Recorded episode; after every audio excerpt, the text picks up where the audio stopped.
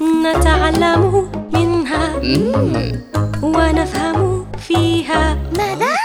دروس وعبر. مواقف وصور.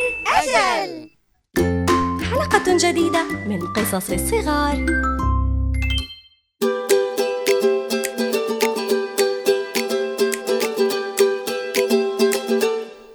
مباركة عليكم مستمعينا وأصدقائنا الأطفال في كل مكان.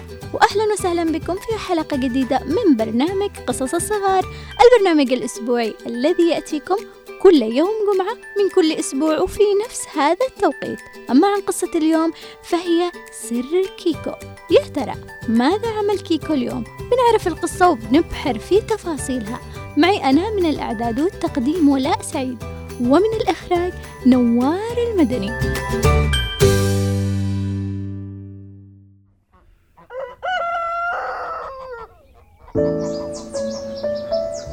كان يا مكان في أحد الأزمان. كان هناك قرد اسمه كيكو. يحب اللعب كثيرا والقفز بين الأشجار. كان لديها العديد من الأصدقاء والحيوانات. يقضي معهم طول النهار. كيكو كان قرد محبوبا جدا لأنه لطيف مع الحيوانات ويساعدهم. ولكنه أيضا كان شقي وشقاوته من الممكن أن تزعج الحيوانات وخاصة الكبيرة. وفي يوم من الأيام كان كيكو يقفز فوق الأشجار ويلعب ورأى شيء غريب. رأى الأسد يقف مع الفيل يتحدثون بانسجام وعلى ملامحهم الحزن والكثير من التعابير الغريبة.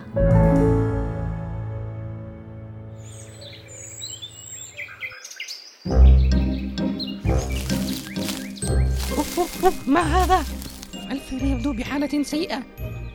هنا هناك أمر غريب يجب أن نقترب وأستمع لحديثهم. أوف، أوف، أوف. يا أسد وجهك يبدو متعب. ما بك؟ فلتخبرني. يا فيل أنا لا أحب أن أتحدث بأسراري لأحد. ولكني صديقك المقرب يجب أن تخبرني. أريد مساعدتك. إنه سر وأرجوك ألا تخبر أحدا. أه، لا تقلق لن يعرف أحد. هيا تحدث.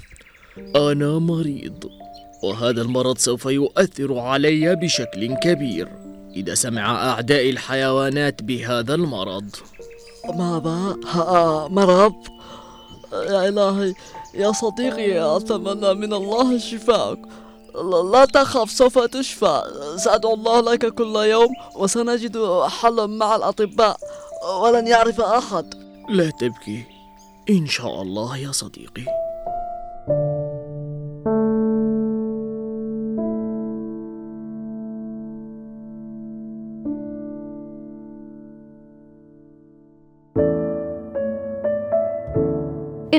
اقترب القرد من الأسد والفيل وجلس في شجرة قريبة منهم وسمع الحديث. وعندما سمع بداية الأمر عن مرض الأسد لم يكمل باقي الحديث ولم يعلم بأنه سر لا يجب إفشاؤه. وحزنه جعله يتحدث عن الأمر بدون أي تفكير في عواقبه. وقرر أن يتمشى قليلا في الغابة ليستنشق بعض الهواء.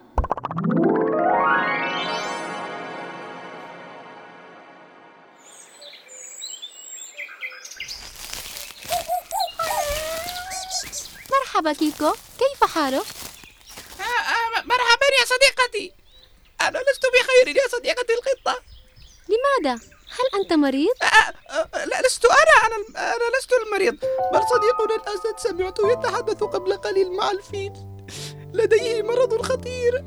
أوه يا إلهي. هل حقا؟ هذا مؤسف. لقد أحزنني هذا الخبر. أوه، نعم نعم وأنا أيضا حزين. انظر. غزالة وماعز وأصدقائنا الحيوانات الآخرين قادمون ها أهلا غزالة الأصدقاء كيف حالكم؟ أهلا بك يا كيكو لماذا حزين؟ ماذا حدث؟ سمعت الأسد يتحدث أنه مريض مرض خطير للغاية أوه ماذا تقول؟ يا ربي أسألك أن تشفيه يا أرانب يا أرانب هل تسمعون؟ نعم نعم. الحيوانات وكيكو يتحدثون عن مرض الأسد. الأسد مريض وبه مرض خطير. نعم هذا مؤسف.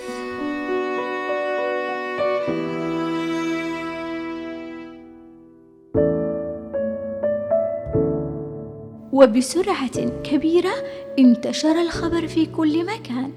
وعرفت الحيوانات وتناقلوا الخبر حتى وصل لكبار الحيوانات في الغابة.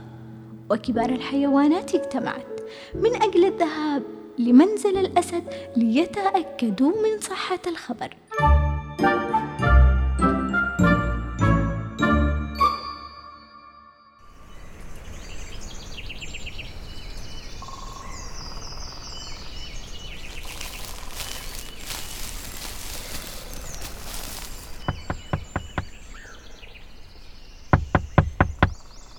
من هناك؟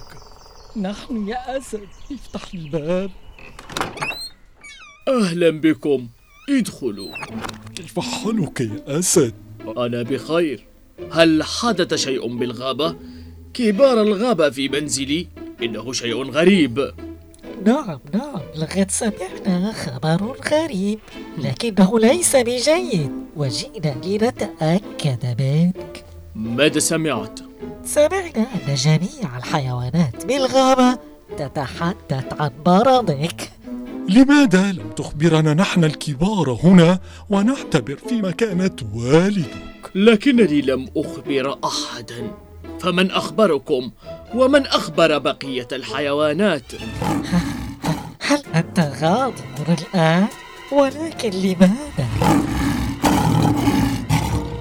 نعم نعم أنا غاضب هذا كان سر بيني وبين الفيل.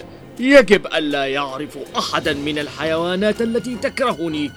إذا وصل هذا الموضوع لهم سوف يستغلون مرضي من أجل أذيتي نعم.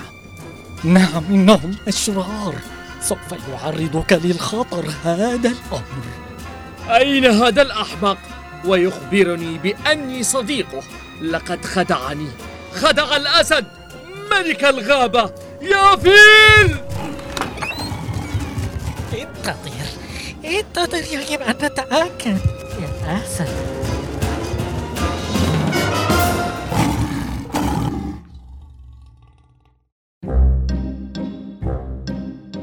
غضب الأسد بشدة من صديقه الفيل وقرر عقابه دون دليل يدل على إدانته. كان يعلم بأنه لم يخبر أحدا عن الأمر سوى الفيل. لذلك حكم عليه فورا دون تفكير وأتى بالفيل وجمع جميع الحيوانات كي يخبرهم بقراره من أجل العقوبة التي أصدرها عن تفشي الأسرار بين الحيوانات بالغابة. ولكي لا يكرر باقي الحيوانات هذا الفعل مرة أخرى.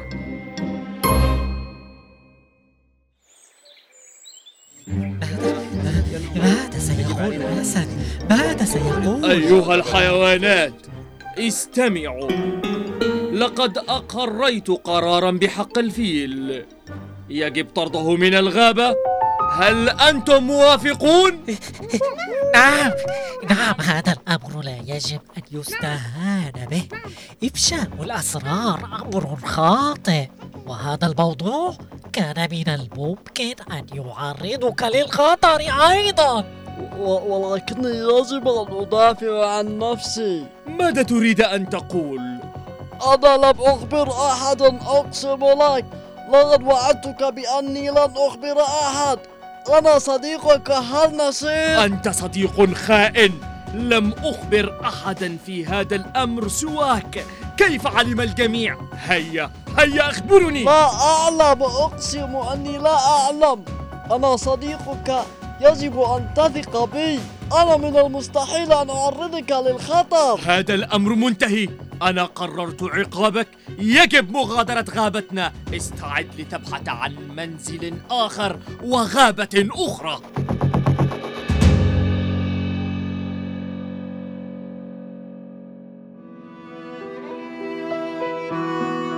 كان من بين الحاضرين القرد كيكو واستمع لكل ما جاء في الاجتماع ولكنه لم يتحدث ولم يخبرهم أنه هو السبب في إفشاء هذا السر.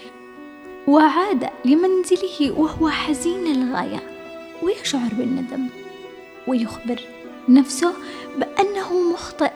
كان يجب ألا يتحدث بهذا السر للجميع كان يشعر بخيبة أمل في نفسه.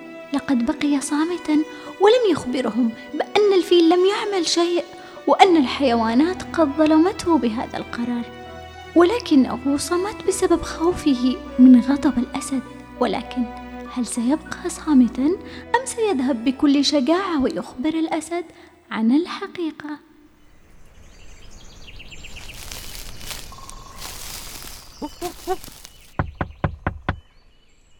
من هناك في هذه الساعة المتأخرة من الليل؟ ها آه، ها لقد أتوا أعدائي للقضاء علي هل هذا فخ؟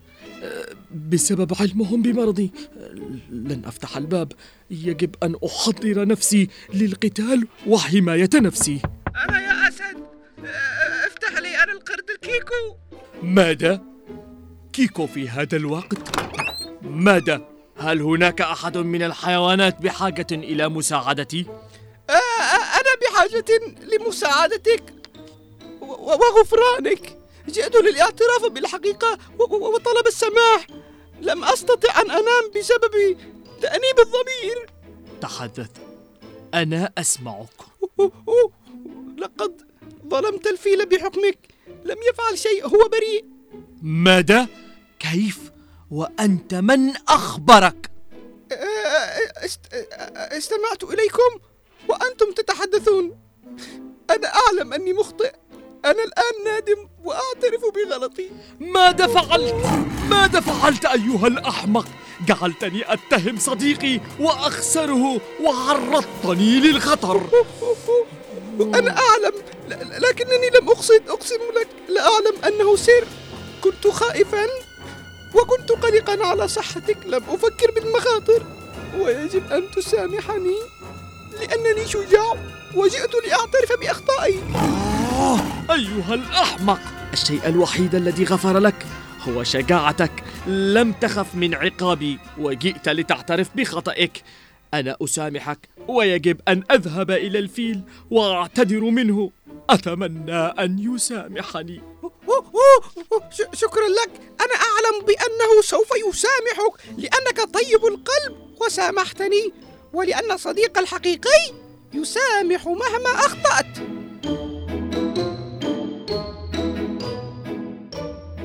سامح الأسد القرد عندما علم أنه فهم الدرس جيدا وأنه لا يجب عليه نقل الأسرار أو الأخبار دون الإذن من صاحبها. وعدم تدخله مرة أخرى في شؤون الآخرين الخاصة حتى وإن كانت بحسن نية لأن هذا قد يعرضهم للخطر وتبقى أن يسامحه صديقه الفيل فقط. فهل سيسامحه يا ترى؟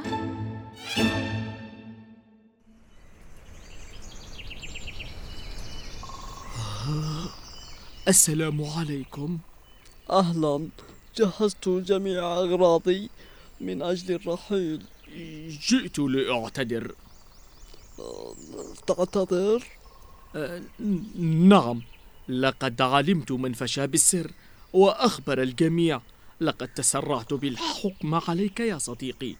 كان يجب أن أتحرى بالأمر. مم. لكنك لم تدعني. أثبت براءتي وصدقت خيانتي. كيف قمت بهذا وأنا صديقك؟ أعلم أنني مخطئ بالحكم عليك. دون أن أتأكد فأنا آسف. يجب أن تسامحني. لا تنسى أن ديننا الإسلامي يحث على التسامح وقد قال الله في قرآنه الكريم. فاعف عنهم واصفح. إن الله يحب المحسنين. صدق الله العظيم. إذا سامحتك. شكرا يا صديقي. أعزائي المستمعين وأصدقائي الصغار هناك العديد من المتسللون في حياتنا واللي يحبوا يتناقلوا أخبارنا السيئة ويكثروا من الثرثرة حولها. واللي ممكن يحصلوا عليها من عندكم أنتم صغاري. لما بيسألوكم عن أمور تخص عائلتكم وأسرار بيتكم ولازم إحنا نكون عارفين إنه كل شيء يقال في البيت هو سر بيتنا الصغير.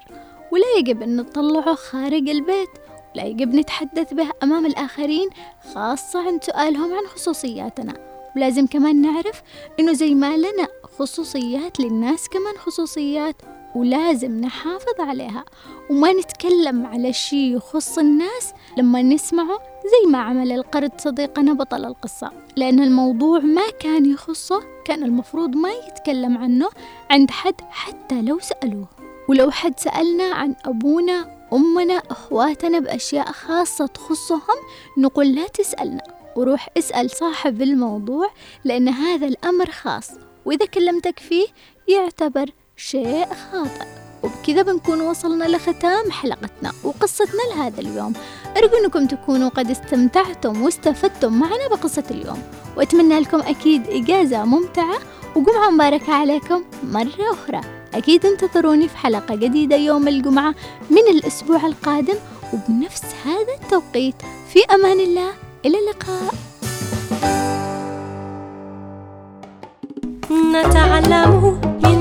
منها ونفهم فيها